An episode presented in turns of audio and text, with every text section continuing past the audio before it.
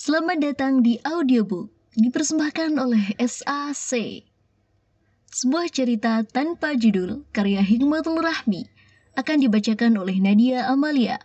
Pintu imajinasi Anda akan terbuka dalam hitungan 3, 2, 1. Empat tahun sudah sejak lambaian tanganmu dan iringan air mataku di hari itu.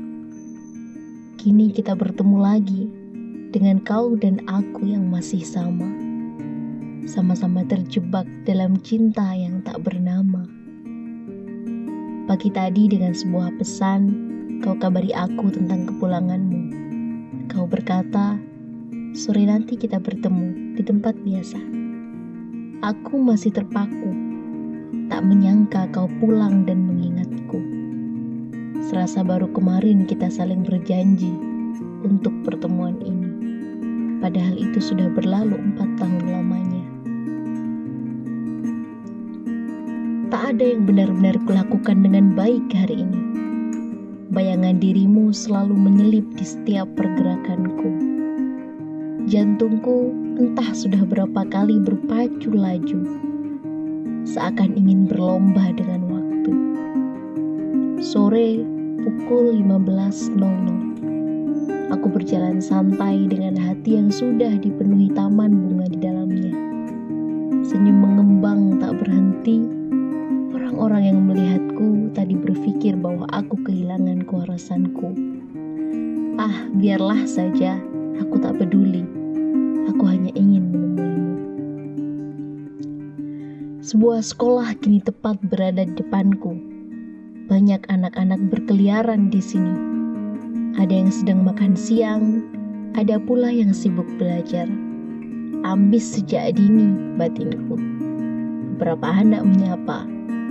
Halo kak, lihat hari ini kami belajar mewarnai. Aku mewarna daun ini dengan warna merah muda. Indah kan? Indah apanya? Tidak ada daun yang berwarna merah muda kala. Biar saja, kalau tidak ada, biar aku yang menciptakannya nanti. Boleh kan, Kak? Yah, begitulah anak-anak usia sekitar 5 sampai 6 tahun ini. Mereka memang suka bertengkar. Menanyai pendapat orang yang lebih dewasa hanya alasan bagi mereka untuk mendapatkan persetujuan dari hal yang mereka lakukan. Aku membalas mereka dengan senyum paling manis dan tulus yang kupunya. Tak ada jawaban untuk kalah di hari ini. Sebab isi otakku sedang tak ingin diajak bekerja sama untuk mencari jawaban yang tepat. Ada hal lain yang kini sedang sibuk bekerja lembur di dalamnya. Setelah berlalu meninggalkan kala dan biru, mataku terus bekerja dengan giat. Menyapu setiap halaman dan ruangan kelas, mencari sepasang mata yang menghilang sejak empat tahun lalu tatapanku berhenti pada satu kelas yang sedang sibuk saling bersautan, menjawab pertanyaan dari seseorang yang ada di depan mereka. Seseorang itu tampak nyaman dengan buku yang ada di genggamannya. Dia melempar pertanyaan kepada anak-anak yang tampak asyik mendengarkan. Aku tetap memperhatikan dari luar kelas. Siapa yang menjadi pemenang dari lomba lari tadi? Tanya orang itu. Kura-kura, jawab anak serentak. Lalu siapa yang kalah? Kelinci. Kok bisa kura-kura menang? Bukannya yang memiliki kelajuan dalam berlari adalah kelinci, Kak?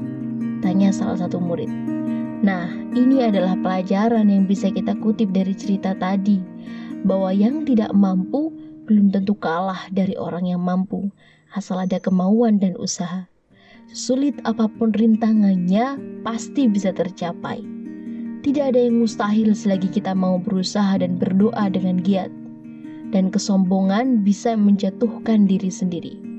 Kelinci sombong karena merasa menang dari kura-kura hingga ia menyepelekan perlombaan. Jadi, jangan jadi orang yang sombong ya dan tetap berusaha. Baik, Kak. Pelajaran ini kakak sudahi sampai di sini ya. Sampai jumpa lagi. Perlahan sesaat setelah kelas ditutup, kakak yang mereka sebut tadi berjalan menuju keluar kelas dengan buku yang masih di genggamannya. Dia berjalan ke arahku, menatapku, lalu sesaat jantungku rasanya berhenti berdetak. Mata itu yang hilang beberapa tahun lalu, kini sudah bisa aku tatap lagi. Senyuman yang selama ini ku rindu, kini terpampang jelas di hadapanku ada sensasi seperti musim bunga di hatiku. Bunga yang bermekaran, menghasilkan wangi yang semua orang pasti suka menghirupnya. Ada begitu banyak kupu-kupu di dalam lambungku. Mereka berterbangan tak menentu. Aku sedang terpaku. Ngapain ke sini? Tanyanya. Dia yang empat tahun lalu memberikan kesempatan untukku merasakan bagaimana rasanya sedih karena rindu, sakit karena rindu, dan teramat bahagia karena rindu. Ya, seperti biasa, aku ke sini untuk melihat anak-anak. Mereka lucu ya, kataku. Mengalihkan pandangan ke arah anak-anak yang kini sedang asik bermain di lapangan. Aku kini duduk di tangga persis dekat kelas yang sedang asik bercerita tadi. Dan dia kini duduk di sampingku. Ya, mereka masih sama ternyata. Masih anak-anak yang kelihatannya selalu ingin bahagia saja. Tapi mereka bukan anak-anak yang kau lihat empat tahun yang lalu. Mereka ini anak-anak lain. Ya tetap saja namanya anak-anak yang sifatnya semua sama. Ya, ya, ya. Terserah kamu saja Pak Guru gak boleh dibantah kan? Kok pernyataan bukan pertanyaan? Karena itu fakta, aku juga lagi gak nanya. Sedikit kesal, tapi akhirnya kami saling tertawa bersama.